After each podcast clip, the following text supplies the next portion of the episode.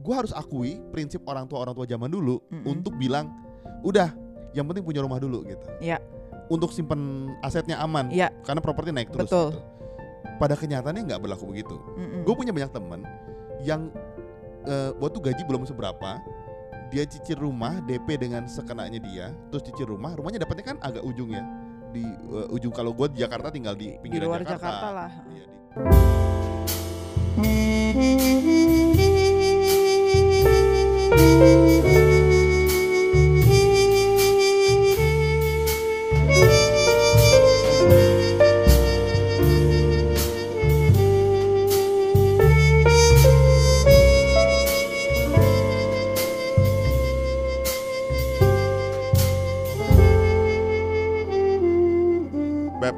Iya.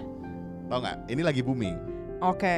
Jadi Emang kamu suka yang booming booming sih ya? suka karena kan Oh, oh. ngejar engagement.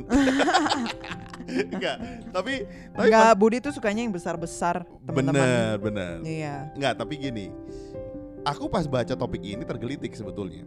Mm-mm. Karena topik ini membuat aku flashback masa lalu Hmm. dan aku jadi merasa gila dulu gue payah juga ya gitu. Oh, Jadi- kalau buat Budi emang harus flashback masa lalu banget, soalnya dia udah tua sekarang. Jadi 25 jadi umur ini udah jauh banget buat dia. Eh, jangan gitu. Umur ya. berapa Beb yang kamu maksud Beb? Eh, enggak, jangan jangan. Topiknya tentang apa Beb? Jadi, jadi Kalau buat gue nih mungkin flashbacknya palingan Enggak, ya enggak, beberapa tahun lalu enggak, gitu kan. enggak, enggak. Kalau buat kamu kan masa lalu gitu enggak, kan. enggak, enggak. Beb, jadi gini, jadi gini. Banyak orang yang ngomongin tentang umur 25 udah harus punya apa. Nah, masa lalu kamu yang jauh sekali itu kan. Enggak, enggak jauh. Enggak terus kan gue flashback kan, gue Ah, ah. flashback. Umur 25 tahun gue udah punya apa ya? Terus gue inget 18 tahun lulus SMA, bangkrut nggak bisa kuliah, kuliah umur 21. Hmm. 25 baru lulus S1, tuh. S1. Enggak apa-apa. Loh, iya kan? Terus jadi kan Lulus punya- tapi kan. lulus, Lo- lulus. ah. IP gue 3,63, Beb. Wih, gila. Itu enggak terus gini, terus kan eh, banyak orang yang ngomong "Ah, lulus S1 tuh harus eh umur 25 harusnya tuh udah eh, nyicil rumah, udah punya tabungan at least lebih dari 100 juta, Mm-mm. udah punya tabungan saham dan segala macam lah, udah banyak orang investasi gitu-gitu. Terus gue jadi mikir, "Hmm, dulu parah juga gue ya. Jadi teman-teman, gue dan Mandy yang punya latar belakang yang beda. Beb, kalau kalau kamu gimana kamu? Kasih tau perjalanan Kalau kamu dari aku SMA. mungkin pas eh, 25 tahun tuh udah selesai banyak lah. Udah dap udah dapat S1, terus udah dapat S2, terus udah dapat Oke. pekerjaan tetap. Gila. Jadi ki- 25 tuh udah Karirnya udah secure banget lah. Karirnya smooth Udah Mandy. secure banget gitu kan. Nah, jadi teman-teman, maksudku gini, gue bilang sama kalian gini, gue dan Mandy ini merit nih ya, eh, tapi kita punya perjalanan karir yang sangat beda Iya. gitu. Yang bener-bener dia udah lulus apa, gue belum ngapa-ngapain gitu. Gue bener-bener baru lulus S1. Makanya kalau ditanya, Bud umur berapa lu? Kalau secara timeline ya. Secara timeline. timeline. Makanya kalau ditanya umurnya, gue lebih suka mengakui umur gue ke umur Mandy. Karena kan logikanya teman-teman, secara de facto lulus kuliah S1 gue kan sama. Berarti kan umur gue sama dia sama. Gue masih 29 sebetulnya. Heeh, tapi kalau misalnya di apa di operasi underdeal dalam-dalam kamu bukan 25 lagi, Beb. Nah, hari ini kita mau bahas sebetulnya menurut kita apa yang harus dipunya di umur 25 Betul. dan apa yang nggak perlu dipunya umur 25 sebetulnya. Heeh, Jadi nggak- ditunda aja gitu loh. atau ditunda. Perlu Jadi jadi cepet-cepet. jadi kita nggak bahas apa yang mesti lu punya. Ada juga hal yang nggak harus lu punya, Mm-mm. malah jadi beban kalau lu punya umur Benar. 25 gitu. Yang pertama, Beb. Yang pertama itu sebenarnya poin kamu sih. Jadi silakan Beb. Silakan dibahas. Yang pertama apa Beb? Oke. Ini yang pertama teman-teman buat gua umur 25 udah harus punya mental. Udah harus punya Coba coba coba coba di deskripsiin. Ini menurut gue. maksudnya apa? umur 25 tuh lu udah mesti punya siap mental, lu mental siap buat gagal, lu punya mental buat sukses dan lu punya mental buat terus belajar. Apa bedanya sama misalnya anak-anak SMA gitu ya yang masih cupu-cupu gitu, terus mereka bilang, "Lu nggak ada mental lu gitu. Sini berantem-berantem." gitu. Ini, Apa anak, bedanya? anak SMA tuh kan sekolah dibayarin, jaring pengaman orang tuanya. Lu tuh kayak nothing tulus tau gak? Paling cuma nggak naik kelas doang. Maksud gue gitu. Anak SMA tuh beban terbesar kan Nah, nggak naik kelas. Nah, kalau misal maksudnya mental umur 25 tuh kayak Gua gimana? tau gini. Ketika lu lulus gitu, misalnya let's say let's say Beb bukan kayak kamu deh. Kamu Satu, bisa S2 baru kan? S1 gitu kan. S1 misalnya umur 22, 23. Lu mulai kerja, Heeh, lu dipecat buset. misalnya gitu karena lu salah atau lu atau lu misalnya buka usaha sendiri, Mm-mm. lu gagal gitu. Heeh. Atau lu tiba-tiba nanam Bitcoin lu sukses. Mental lu Uh-uh. siap nggak dengan itu? Banyak orang yang ketika mereka usaha gagal mereka bilang, "Ah, emang nggak bakat gue entrepreneur." gue kerja kantor deh Hmm. atau ketika misalnya dia di kantor dipecat gitu ya terus dia bilang aduh emang gue nih nggak ini udahlah gue di rumah orang tua ikut orang tua deh maksud gue Oke. ketika lu di umur 22 sampai 25 atau dari umur 20-an deh ya gitu Heeh. lu udah ngelewatin banyak proses sehingga sehingga lu siap kalau lu sampai berhasil lu bitcoin nih lu kaya raya misalnya lu bisa juga ngaco juga mentalnya tuh jadi bangkrut juga gitu Hmm. kan lu nggak siap mentalnya Mm-mm. atau ketika lu gagal lu jadi down dan lu terpuruk buat semua hal yang di depan lu masih banyak opportunity-nya Oke. lu masih punya puluhan tahun di depan gitu dan lu merasa kegagalan lu di bawah umur 25 Heeh. gila nih di hidup gua nih berantakan gagal pernah mikir gitu? Nah, tapi gimana caranya bisa punya mental beb di umur 25? makanya gagalnya yang banyak kan banyak orang bilang abisin dulu jatah gagalnya yang banyak banyak nyoba buat aku ya lu mesti nyoba banyak hal yang lu nggak pernah coba atau out of your comfort zone Oke. Kenapa? Mungkin buat Mendy beda karena Mendy nggak orang yang tipe suka gini Ah, gua. Buat gue begini, ketika lu nyoba banyak hal gitu ya, kan ketika umur lu masih under 25 tuh kan lu masih sangat under orang tua sebetulnya. Betul. Maksud gue orang tua masih cover dengan sangat gede Betul. gitu. Apalagi kalau belum merit ya. Apalagi kalau belum married. Benar. Nah, semakin banyak lu nyoba banyak hal gitu ya, lu jadi tahu ternyata lu punya potensi di tempat yang lain gitu. Yang lu nggak Hmm. sadar. Misalnya setelah gue menjalani gue sekarang, gue merasa gue bisa jadi stand up comedian sebetulnya. Tapi gue belum pernah coba. Itu adalah sesuatu yang perlu em, dites dan ditolak ukur. Makanya aku Itu bilang, kayaknya belum. lu bener makanya aku bilang ketika lu nyoba banyak hal dan lu gagal lu jadi tahu kan oh iya ternyata gue nggak bakat lu nyoba lagi hal yang lain oh ternyata oh ternyata gue punya bakat yang lu nggak tahu gitu atau ternyata lu punya hobi yang lu nggak tahu misalnya contoh let's say beb kita kan nggak pernah nyangka kita bisa bikin podcast beb maksud gue kita nggak pernah nyangka kita punya eh, apa ratusan ribu pendengar kita yang suka cerita gitu Mm-mm. yang yang suka dengerin kita maksudnya kita tuh nggak nyangka ternyata kita bisa selucu ini juga Tapi maksudnya lu mesti coba banyak hal yang lu jadi tahu oh ternyata ini loh potensi Oke, oke, oke, oke. Bagus sih, Beb. Bagus banget. Cuma gini, gue Hmm. boleh counter attack gitu ya. Boleh. Counter your idea gitu Boleh. ya. Gimana kalau misalnya lu punya mental tapi lu nggak punya skill?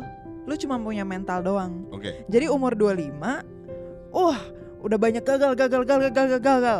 Berarti kan lu nggak punya skill dong. Hmm. Karena lu gagal terus semuanya gitu. Istilahnya, istilahnya gitu. Kita kita talking worst case gitu loh. Nah, ini tapi bagus. lu punya mental berani gitu loh. Apa pun tembus. Siapa yang mau? Saya mau. Siapa yang mau ngerjain? Saya bisa. Hmm. Tapi terus fail, apa-apa fail gitu. Nah, terus gimana dong? Nah ini tadi di awal gue udah bilang kita butuh tiga mental. Tiga Berani mental. Gagal, yang mental. Berani gagal, berani sukses. Sa eh mental eh, mental gagal kalau gagal, Uh-uh. mental kalau sukses, sama mental mau belajar. Hmm. Gue dan Mendy tipikalnya beda teman-teman. Mungkin ini yang membedakan eh, jalan kita dan cara pandang kita. Orang kalau kasih gue kerjaan yang dirasa gue belum bisa, gue bilang bisa nggak? Misalnya ada duitnya gitu, ya. bisa. Mm-mm. Terus gue cari cara gimana cara gue ngerjainnya. Mm. Karena ketika gue bilang bisa, no turning back kan, Mm-mm. gue punya mental mau belajar. Jadi gue akan nambah skill gue itu satu. Mm-mm. Sekarang gue lagi belajar editing gitu, Mm. pakai animasi. Gue ngulik, ngulik, ngulik, ngulik. Gue tanya temen gue editor, dia bilang ada aplikasinya. Mm-mm. Akhirnya gue bisa jadi animator sekarang. Simple sih, nggak nggak nggak kompleks. Simple tapi gue bilang gini sama diri gue. Kalau orang kasih gue tantangan yang ada profitnya, terus gue hitung-hitung, gue bilang bisa. Terus gue cari cara ngerjainnya. Mm. Itu yang bikin skill gue bertambah. Kalau lu misalnya cuma bilang bisa, tapi lu nggak punya mental mau belajar, bohwat lu kalau gitu.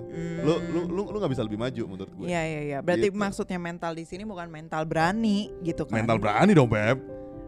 bukan cuma mental berani, tapi juga mental mau belajar gitu kan. Jadi Benar. maksudnya nggak stop di sini doang gitu stop loh. di sini, lu jangan cuma terima tapi nggak belajar nggak iya, bisa. Iya benar benar benar. Gitu. Jadi teman-teman lihat kan dari percakapan ini, Medi pasti counter attack karena kita tuh beda banget point of view-nya. Emang Pasti beda. karena buat gue kayak em, bisa backfire. Kalau lu punya mental kebanyakan dan lu berani kebanyakan, tapi lu eh, nggak memperlengkapi diri lu dengan baik. Karena bisa jadi backfire. Lu punya nama jadi jelek. Yah, nggak usah lah pakai si Budi lagi. Dia waktu itu kemarin gue minta bikinin ini tapi jelek hasilnya. Gitu, bisa backfire. Betul. Nah ini kan contoh teman-teman. Contoh misalnya eh, pengalaman hidup pasti kan pengaruh. Benar. Ketika Mendy lulus SMA, kuliah S1, S2 dengan dengan lempeng gitu Betul loh Beb, betul maksudnya. betul. M- Mendy dapat scholarship. Dia memang rajin lah di kampus. Jadi dia dapat scholarship. Tapi gua kan enggak. Lulus SMA, terus bingung kerja apa di PRJ buka buka kerjaan tuh jadi kasir. Heeh. Ya gua apply lah. Even gua gak pernah jadi kasir kan.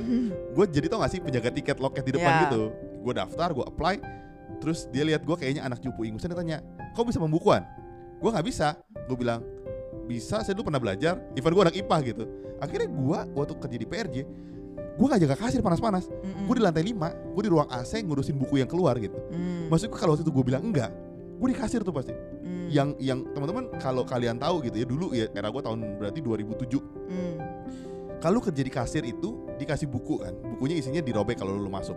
Nah kalau sampai buku itu kan bisa salah cetak kalau Oh. ternyata di situ jumlahnya kurang dari 100 lu nombokin Oh iya iya iya benar-benar. kalau lebih dari 100 lu dapat untungnya Ya. jadi karena udah perjalanan dua minggu orang mencet tekor akhirnya mereka ngecek di situ berapa lembar nih gitu karena itu bisa jadi apa ya bi- bisa nombok jadi banyak yang nombok Iya tuh iya betul. kasir maksud gue makanya gue bilang teman-teman kenapa point of view kita beda karena pengalaman di lalu kita tuh beda di umur Heeh. puluhan gitu Dan ini mungkin menjadi poin kamu nomor dua juga ya, Hmm, yaitu di umur 25 yaitu kamu jadi kasir perlu pengalaman kerja jadi kasir gitu. Jadi guys, buat kalian yang denger di sini, eh, salah satu tips dari Budi adalah coba punya pengalaman jadi kasir di PRJ. bener di kasir di mana aja sih lu, Oh. lu lu akan jadi tahu kan kayak misalnya gini lu coba apply kasir di Indomaret deh lu jadi tahu kan sistem pembukaan Indomaret tuh gimana Mm-mm, ada orang yang jadi kasir sekedar jadi kasir. Ada yang jadi kasir tapi dia belajar sistemnya dia bisa bikin Betul, sendiri usahanya betul, gitu betul. makanya buat gue pengalaman tuh perlu karena itu membuat lu jadi terbuka sama banyak hal even Uh-uh. bukan bidang yang lu sukain Betul. gitu Nah, cuma aku pengen nanya deh, Beb. Mungkin kamu, em, kok kita jadi wawancara gini? Tapi gue, jadi gue, gue suka banget counter lu punya idea. betul Kita soalnya beda banget. Hmm, Nah, gini loh, kadang-kadang ya di dalam kehidupan hmm, kita mau punya pengalaman, hmm, tapi orang nggak mau memberikan pengalaman itu, Beb. hmm. Misalnya nih ada lowongan kerja, butuh pengalaman 2 tahun Hmm. gitu. Tapi kita susah dong, semuanya butuh pengalaman. Nah, biasa pengalaman itu carinya gimana sih? Kalau misalnya nggak banyak orang ngasih lu kesempatan untuk punya pengalaman. Beb gini ya ini kamu mesti belajar dalam dunia ini semua bahasa tuh bersayap artinya bahasa tuh punya banyak aspek Betul. Pengalaman 2 tahun tuh bisa di- bisa ditranslate dengan banyak hal. Mm-mm. misalnya contoh gue pernah pengalaman kerja as a designer grafik di perusahaan ini. Mm-mm. atau gue punya pengalaman pengalaman bikin desain grafis buat konten beberapa orang teman gue. Ya, ya, lu bisa masukin as a portfolio lu juga. Lu tulis dan Iya. lu bilang ini hasil karya gue even belum monetize. Benar-benar. jadi maksudnya teman-teman sering kali kalau lu apply gitu ya aduh belum pengalaman nih. Ya lu bikin pengalaman lu sendiri lu tanya orang eh mau gak gue bikinin for free? gitu Ya, ya, ya. jadi itu yang bikin lu jadi pengalaman kan Jadi maksudnya mungkin pengalaman ada yang formal, ada yang informal gitu Iya. kan maksudnya. Jadi nggak semuanya tertulis di apa tertulis secara formal gitu loh. bener Gua bekerja dari 2010 sampai 2012 gitu kan. Tapi kadang-kadang banyak juga pengalaman informal yang tidak apa ya bahkan tidak ada sertifikatnya tidak ada Betul. bukti ketenaga kerjaannya bukti kelulusannya gitu tapi sebenarnya lu punya skill yang banyak gitu sebetulnya kan yang perusahaan itu cuma mau lihat portfolio yang lu kerjain tuh apa betul kadang-kadang kan dia nggak perlu tahu lu digaji berapa gitu Betul, dia mau betul. tahu abis itu lu mau nego berapa nih gajinya sama gue gitu kan Betul. sebetulnya jadi maksudnya kalau lu nggak punya pengalaman lu bikin pengalaman lu sendiri lah gitu maksud ya gue. ya ya jadi lebih kayak misalnya web contoh ini ini juga menarik pengalamannya juga menarik gue kan kerja di salah satu perusahaan yang yang menurut gue income-nya lumayan lah gitu. Mm-mm. nah gue tidak punya basic pengalaman kerja di kantor Mm-mm. waktu pas supply. Gue juga nggak tahu gimana cara gue masuk ke kantor itu gitu. Oke. Jadi gue sama sekali buta tuh pengalaman. Jadi gue gue juga bingung tapi gue bisa kerja gitu di perusahaan itu. Nah gimana caranya begitu? Gue pernah ikut satu kompetisi jingle gue kalah gue cari yang mana juara satunya siapa Mm-mm. terus gue eh, waktu masih eh, Facebook gue cari Facebooknya terus gue message Mas selamat ya Mas menang saya suka Uh-uh. karyanya. Terus dia bilang oh eh, Mas Budi kerja di mana? Oh saya eh saya freelance nih. Mas di kantor saya saya mau resign nih. Mas mau nggak? Gitu. Bayangin ya gue nggak kenal orangnya gue gue nggak tahu dia siapa gitu. Iya benar. Gue cuman Facebook dia doang untuk bilang Iya. selamat ya Mas menang gitu. Iya iya iya iya. dan gue kerja sekarang gitu sampai Betul, sekarang betul. udah enam tahun. Jadi teman-teman kenapa gue selalu kenapa gue selalu mengcounter Medi dengan bilang ini udah yang penting jalan aja dulu jalan aja dulu. Karena pengalaman kita tuh beda. Betul. Sangat beda gitu. Kalau misalnya gue bukan orang yang eh, berani. berani gitu nggak dapat- penjani dong. Betul. Kalau Medi kan akademisi S2 bahkan sebelum dia lulus S2 Heeh, kampusnya udah bilang nanti balik sini kerja di sini ya. Heeh, karena reputasi dia baik gitu. Heeh. maksud gue itu kan beda ya beda Betul, pengalaman. betul. jadi teman-teman gue make sure bahwa em, pengalaman orang tuh beda-beda di hidupnya. benar Tapi kalau lu tidak seberuntung Mandy, gue bilang gitu, lu ikut cara gue deh. Maksud gue. Cari banyak pekerjaan cari banyak pengalaman Iya. serabutan serabutan ya nekat aja gitu maksud Benar, gue. benar, Gitu. benar. Nah terus yang ke Beb, Ah. yang ketiga. Ini topik gue juga yang pilih, tapi coba kamu yang bahas coba. yang Menurut ketiga kamu bener nggak? nah yang ketiga itu adalah pertemanan Oke. tapi kalau dalam bahasa aku menurut aku koneksi sih Hmm. Gitu karena pengalaman terutama pas kita bikin podcast kita yang satu lagi itu ya terus abis itu eh, pada masa covid gitu kan kita membutuhkan banyak sekali tenaga kerja gitu bantuan untuk kita punya em, eh, kita punya apa tuh Eh, pengisi suara, voice over. ya voice Jadi kita over bikin dongeng. Iya, kita bikin dongeng di podcast kita, dongeng anak masa kini. Terus kita disponsorin eh, sama kementerian untuk bikin eh, dongeng, untuk bikin video klip dan untuk bikin em, jingle Ya, gitu. Nah, kalau dari kita sendiri sih bisa ya bikin skrip, bikin lagunya. Tapi kan kalau bikin video klip, gile, kita orang-orang yang nggak ada background sama sekali sinematografi, terus suruh bikin video klip buat kementerian gitu kan yang dilihat se Indonesia. Jadi kan kita pasti butuh banyak bantuan gitu Betul. dari orang-orang yang punya skill yang berbeda dari kita gitu. Dan gua merasa banget pada saat pandemi terutama ya waktu kita buat apa mau buat video klip gitu ya em, pas Hamin- Hamin, Hamin satu. satu berapa jam bahkan bukan Hamin satu loh Amin berapa jam? Demin 12 jam kayaknya deh. Itu tiba-tiba em, teman kita yang bertugas untuk sebagai videografer yang bikin konsepnya dan juga udah punya apa namanya em, em, apa sewa tempatnya dan pokoknya udah lengkap semuanya kita eh, ambil paketan. Terus tiba-tiba dia ngabarin ke kita bahwa dia positif COVID gitu. Terus tiba-tiba, hah? Gimana?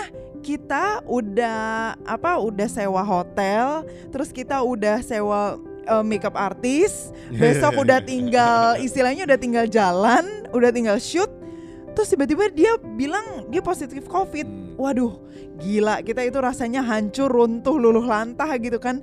Karena artinya apa? Kita harus nyari sinematografer yang baru. Kita harus bikin konsep yang baru. Karena nggak bisa dong nyontek konsep yang kemarin udah Betul, didiskusikan. betul. Itu dalam 12 jam lagi. Dalam 12 jam, terus kita harus sewa tempat yang baru. Iya, iya. Karena kan yang tempat kemarin pinjam tempatnya dia. Iya. Gila itu itu baru berasa banget betapa koneksi yang sangat luas itu penting banget. Karena dalam 12 jam kita berhasil membuat konsep baru, mencari videografer baru, mencari tempat yang baru dan itu karena punya koneksi yang banyak. Kayak gue punya temen punya temen nih, eh adiknya gue punya kenalan yang pernah sewa di sini gitu. Hmm. Jadi itu penting banget lu punya koneksi banyak karena you'll never know what you need gitu dan lu uh, akan banyak sekali butuh orang lain yang memiliki skill di luar lo. Hmm. Jadi penting banget untuk punya pertemanan tapi bukan cuma sekedar pertemanan yang uh, safe zone ya menurut aku bahkan. Pertemanan yang luas yang punya banyak skill di luar lu. Karena itu akan memperlengkapi lu sebagai apa pun lah. Apalagi kalau lu mau sebagai businessman gitu ya. Lu mau bangun empire. Nah itu akan guna banget ketika lu punya koneksi yang sangat luas. Luar biasa. Kamu ngomong ini aku appreciate loh. Harus out of your comfort zone. Harus berteman sama banyak. Ini iya luar biasa loh bener ngomong gini. emang kalau ngomong itu lebih gampang sih Beb dibandingkan ngelakuin Jadi kalau lakuin iya itu kan kalau soal ngelakuin sih em, ya silakan lihat-lihat aja Jadi apa namanya bener itu mom- momen itu momen yang sangat-sangat krusial Hamin Demin 12 jam. Heeh. Tiba-tiba tiba-tiba cari orang, tiba-tiba dapat temennya gitu. Mm-mm. Sekalipun eh, di perjalanan pembuatannya banyak te- eh, tektokan, banyak juga Betul, miss. Aduh betul. gimana ya gimana ya karena kan kondisi banyak di- miskom banyak miskom, nggak terlalu tapi berjalan dengan baik akhirnya proyeknya gitu. Heeh. Dan eh, makanya gue suka bilang Mendy, Mendy ini suka marah sama gue gitu. Gue nggak ngerti kenapa yang dia bilang bertolak belakang dari apa yang disampaikan barusan. Gue bilang dia, ya kalau anak kita nggak naik kelas kan temennya jadi banyak dua angkatan. Gue bilang gitu. dia Jangan jangan diikutin, jangan diikutin. Nggak, gue menyadari bahwa pertemanan tuh penting banget. Jadi kayak sekarang circle gue nih ketika gede bikin podcast, bikin bisnis, Mm-mm. itu sama teman-teman yang di inner circle gue aja gitu. Mm, Maksudnya circle yang itu itu aja yang memang gue gua kenal gitu. betul. Jadi gue menyadari bahwa iya ternyata circle tuh perlu banget ya gitu. Mm-mm. Untuk lu kan nggak pernah tahu ya temen lu yang dulunya bego tuh begitu gede jadi apa gitu. Benar benar benar. Lu, lu lu mungkin waktu SMA atau lu awal kuliah merasa ih gue mah gak tau namanya di mana males Iya, orangnya. iya, tiba-tiba dia booming gitu. Benar-benar, tiba-tiba dia viral. Jadi berteman sama semua orang dengan baik aja gitu. Betul, makanya kalau buat gua sih lu kalau sekolah kuliah nggak boleh nyontek. Tapi kalau dicontek ya udahlah kan berteman. Itu juga kacau. Parah. Lihat kan betapa bedanya kita berdua. ya itu point of view kita memang agak agak beda. Tapi gue setuju banget soal pertemanan. Kalau kalian tidak membangun pertemanan yang gede kemungkinan waktu kalian bekerja tuh circle-nya itu itu aja pasti Betul, betul, temennya, gitu betul. nah, Nah, sama kita Beb. kita emang sehati, Beb. Timingnya tepat banget. nah kalau tadi kita udah bahas soal yang mesti dipunya umur 25 Betul. sekarang yang jangan dipunya umur 25 Nah, biasa orang tuh kamu bahas- kan kamu kan yang udah 25 tuh udah masa lalu banget kan, Beb. Eh, gitu Lu udah ya. jauh banget kayaknya udah udah udah apa Udah udah, gue ya. gitu. Jadi ketika lu eh, apa ngasih nasihat ke anak-anak yang 25 tuh kayaknya lebih pas gitu. Nggak, coba nggak coba silakan. Kalau gua Gini, kan baru beberapa tahun lalu. Eh, jadi gua gitu. belum belum merasakan kayak ya pas 25 maksudnya gua nggak punya ini. Belum eh gue belum juga cocok. tahun lalu ya belum aja. cocok. Oke, em, teman-teman di umur gua 26 atau 27 gitu ya. Kalau aja dua eh umur berapa sih? Beb? 27 ya? Atau 28? Kayak gue lupa deh. Mungkin 2 27 Parah dia lupa tahun pernikahan kita. Gue lupa deh. Enggak, jadi intinya eh, banyak orang ketika lulus S1 gitu ya. Ha-ha. Terus mereka mulai kerja 2 tahun, mereka tuh mulai nyicil rumah Hmm, biasanya. Dan cicilan rumah itu bisa memberatkan bisa enggak. Oke. Ter- ter- tergantung konteks gaji lu berapa kan. Betul. Dan tergantung rumah yang lu ambil rumah berapa gitu. Jadi jadi itu different ball game lah. Gua harus akui prinsip orang tua orang tua zaman dulu Mm-mm. untuk bilang udah yang penting punya rumah dulu gitu. Iya. Untuk simpen asetnya aman Iya. karena properti naik terus Betul. gitu. Pada kenyataannya nggak berlaku begitu. Mm-mm. Gue punya banyak temen yang eh, waktu gaji belum seberapa dia cicil rumah DP dengan sekenanya dia terus cicil rumah rumahnya dapatnya kan agak ujung ya di eh, ujung kalau gue di Jakarta tinggal di di pinggiran luar Jakarta, lah. ya di penyokong Jakarta yang kadang-kadang memang rumahnya beli map beli peta gitu mereka Iya, belum betul. jadi akhirnya ketika jadi di luar ekspektasi ternyata Hmm, dan dulu asumsinya rumah itu 3 4 5 tahun naik ternyata sampai bertahun-tahun rumahnya nggak laku dijual betul. akhirnya jadi beban buat tuh kan cicilannya gede Karena daerahnya juga nggak berkembang. nggak berkembang gitu kan. daerahnya gitu Let, let's say gue dan Mandy juga sama eh, puji Tuhan ini memang disupport orang tua ada bantu support terus kita cicil bank juga jadi dapat rumah memang udah di kawasan jadi di Betul. tempat usaha enak lah rumahnya gitu Betul. dan cicilan gua dan Mandy itu di atas 10 per bulan. Mm-mm. Buat kita itu lumayan gede juga Iya, untuk ngecicil itu karena butuh apa ya? Banyak lah gitu kebutuhannya. betul. Itu tuh jadi in some point jadi beban buat kita. In some point juga bisa jadi keuntungan. Betul. Kalau lu bisa memanfaatkan rumah lu dengan baik, rumah gua di pinggir jalan, lu bisa buka usaha macam-macam jadi untung. Tapi kalau enggak akan jadi beban kan buat lu, cuma tinggal Betul. doang. Makanya gue bilang sama teman-teman, ini penting. Kalau misalnya kalian umur 25 gitu ya, umur 25, janganlah ngotot buru-buru beli rumah gitu. Mendingan kalian nambahin pengalaman atau kalian kalian cari tempat yang kalian bisa tinggal untuk produktif. Iya. Misalnya sewa apartemen. Dengan kos yang lebih kecil, kalian bisa simpan uangnya. Misalnya ya, simpan uang tiba-tiba kalian belajar investasi, Mm-mm. naruh di Bitcoin booming gitu, jadi Ha-ha. miliarder. Bisa kalian belajar atau yang lain misalnya. Betul. Gua nggak bilang beli rumah tuh buruk ya. Tapi gue bilang kalau rumah lu nggak sesuai sama ekspektasi lu atau kalau lu nggak rencana tinggal daerah situ Mm-mm. jauh sama tempat kerja lu itu beban banget Betul. karena ngalamin banget. Terus mm, menurut aku sih bukannya ini merupakan pelajaran juga sih. Jadi maksudnya adalah pinter-pinterlah dalam investasi. Rumah itu kan bisa dihitung sebagai investasi gitu kan.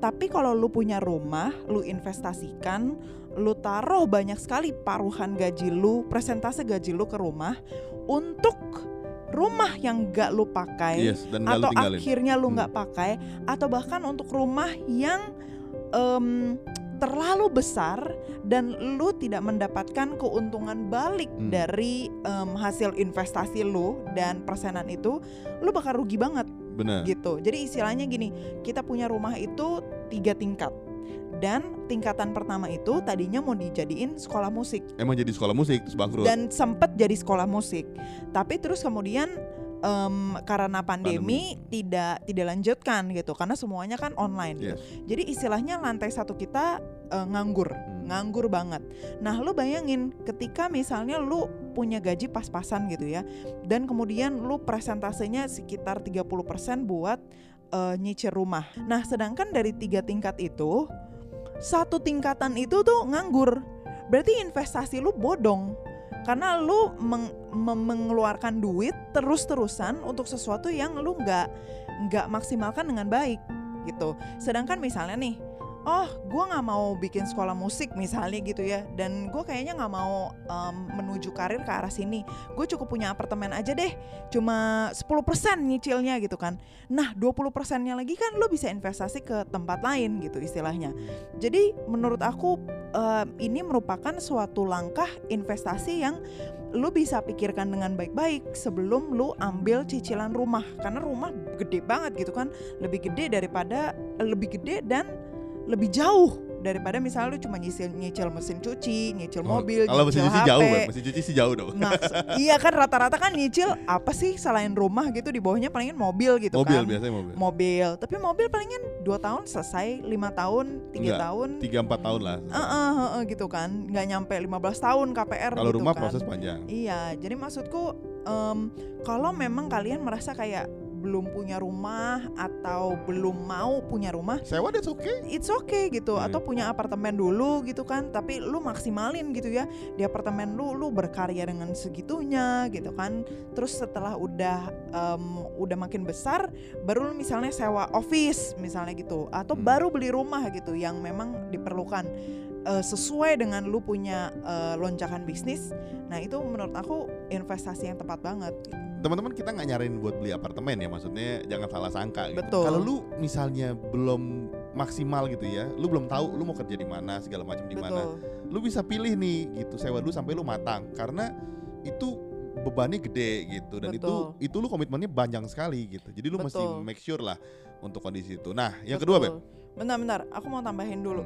Jadi maksudnya adalah jangan sampai sesuatu yang tadinya bersifat investasi atau bersifat aset malah menjadi beban, Jadi eh, jadi liabilitas. jadi liabilitas Iya, jadi gitu. Jadi hati-hati dalam melangkah lah gitu. Ya, apa yang Terus kedua? yang kedua apa beb? Eh, aku yang jawab nih yang kedua nih. Iya dong, kan Nah. emang poin kamu beb. Yang yang kedua ini eh, bukan investasi, bukan beban. Yang kedua ini kalau lu masih 25, lu tunda punya anak. Nah, Jadi ba- banyak banget ibu-ibu muda yang pengen punya anak buru-buru karena asumsinya ketika nanti gua tua eh ketika nanti anak gue gede gue masih muda gitu. mm, mm, mm, mm. Nah kalau misalnya waktu lu belum siap mental anak lu gede lu udah mati duluan kan susah. ya ampun kasihan banget. maksud gue, maksud gue teman-teman punya anak, tapi gue tau lah anak tuh rezeki kan kita kita nggak tahu Uh-uh. lah. Tapi kalau misalnya misalnya lu merasa lu pengen punya anak muda karena lu pengennya ketika anak lu gede lu masih muda. Mm, mm. Menurut gue tuh point of view-nya agak aneh gitu. Oke. Kecuali lu udah settle secara finansial, Mm-mm. udah secure gitu ya, Uh-uh. sama suami juga udah oke, Betul. kondisinya udah oke, lu punya. Tapi ketika prinsip lu, ketika anak lu eh, udah gede lu masih muda tuh menurut gua agak keliru. Uh, uh, karena, uh, uh. karena lu jadi beban banget loh. Benar, perlu penghitungan yang cermat lah Iya. menurut aku sih. Jadi bukan berarti lu nggak boleh punya anak kalau 25 terus Tuhan anugerahkan ya puji Tuhan Iya, karena iya. banyak orang yang nggak bisa punya anak Betul, cepat betul. juga gitu kan. Betul. Tapi maksudnya adalah em, point of view kita setelah akhirnya juga punya anak adalah em, di umur bukan 25 kita punya anak punya anak di umur udah 28 29 Iya. menuju 30 gitu kan. Eh, kita mensyukuri gitu. Eh, kita tiga tahun pernikahan awal itu em, sangat menyenangkan dan kita eksplorasi em, Woi, apa yang dieksplor nih? Nah itu kan, gue udah tahu pasti lu mau mancing-mancing di sini. Eksplorasi baik secara fisik, eh, secara mental, kan, eksplorasi tubuh loh. Eh, Anyway, maksudnya kita bisa mengenal satu sama lain dengan lebih dalam dan memberikan landasan-landasan dalam pernikahan kita yang eh, udah lebih secure gitu. Meskipun pas punya anak ya kita ngobrol lagi, banyak juga yang perlu disatukan tapi gitu be- kan. beda lah. Tapi beda lah, Beda, beda kita udah enjoy bersama, apa keberduaan yang sangat menyenangkan, udah punya banyak apa ya memori-memori yang nggak mungkin bisa terulang gitulah. Pada saat lu masih punya duit, masih punya tenaga, tapi belum punya anak, lu honeymoon berdua ke mana-mana itu nggak akan terulang gitu. Hmm. Nanti ketika lu udah punya anak ya jalan bertiga ya memorinya beda lagi Hmm. gitu. Nah, nanti ketika anak lu udah nikah, lu tinggal berdua lagi udah beda lagi Hmm. karena lu udah lebih tua gitu kan, jalan udah lebih susah. nggak mungkin lu naik gunung di umur 60 gitu kan. Naik, gue masih mau naik gunung umur 60. Ya silahkan lu aja sendiri kalau gitu. Tapi maksud gua em, enjoy lah ketika lu misalnya udah punya eh, suami gitu ya atau mau eh, mencari pasangan hidup gitu itu bukan sesuatu yang kayak goal post gitu ya atau wajib di umur 25 wajib udah nikah atau punya anak gitu tapi bisa t- ditunda dulu menurut aku sih Hmm, jadi teman-teman bukan soal punya anaknya umur berapa, tapi kalau lu mau punya muda karena alasan yang tidak rasional jadi beban nantinya. benar benar Jadi lu mesti pikir itu dengan sangat baik. Betul. Jadi umur 25 tuh menurut gue lu mesti pikirin do and don'ts-nya. betul Bukan 25 mesti punya ini ini ini ini ini segala macam, tapi ada juga yang harus lu nggak punya di umur 25 Exactly. sebetulnya. Gitu. Dari aku sih itu aja. Kamu nambahin apa lagi, Beb? udah itu aja sih cukup biasa.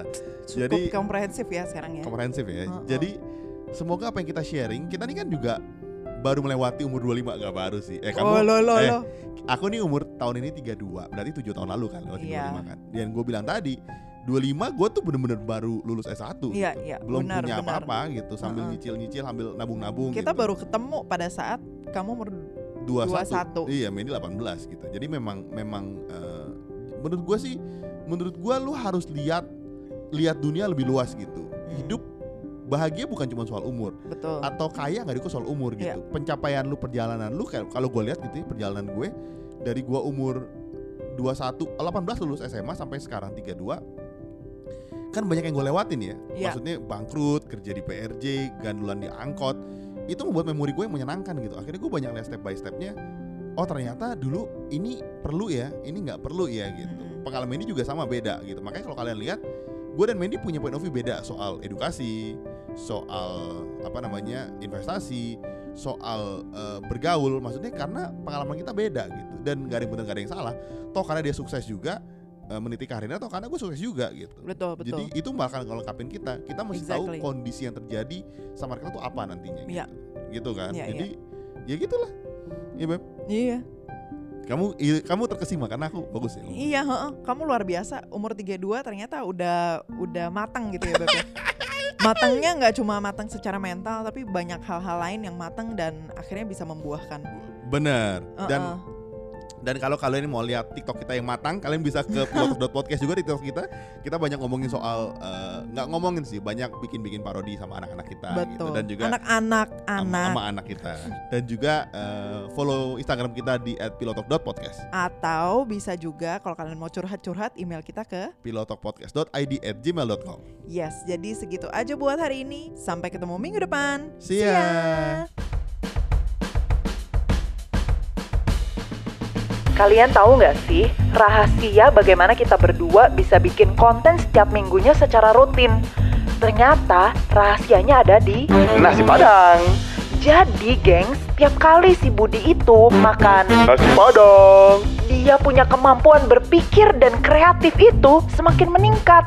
Jadi, kalau kalian mau beliin kita Nasi Padang boleh ke karyakarsa.com slash pilotok ID Tenang aja, aku kalau nasi padang tuh murah kok Nasi, sayur sama kuah, paling 10 ribu Iya, karena kemampuan perut Budi akan bertambah dengan cepat kalau dia makan karbohidrat aja. Jadi, jangan lupa ke karyakarsa.com slash pilotokid untuk support kita ya.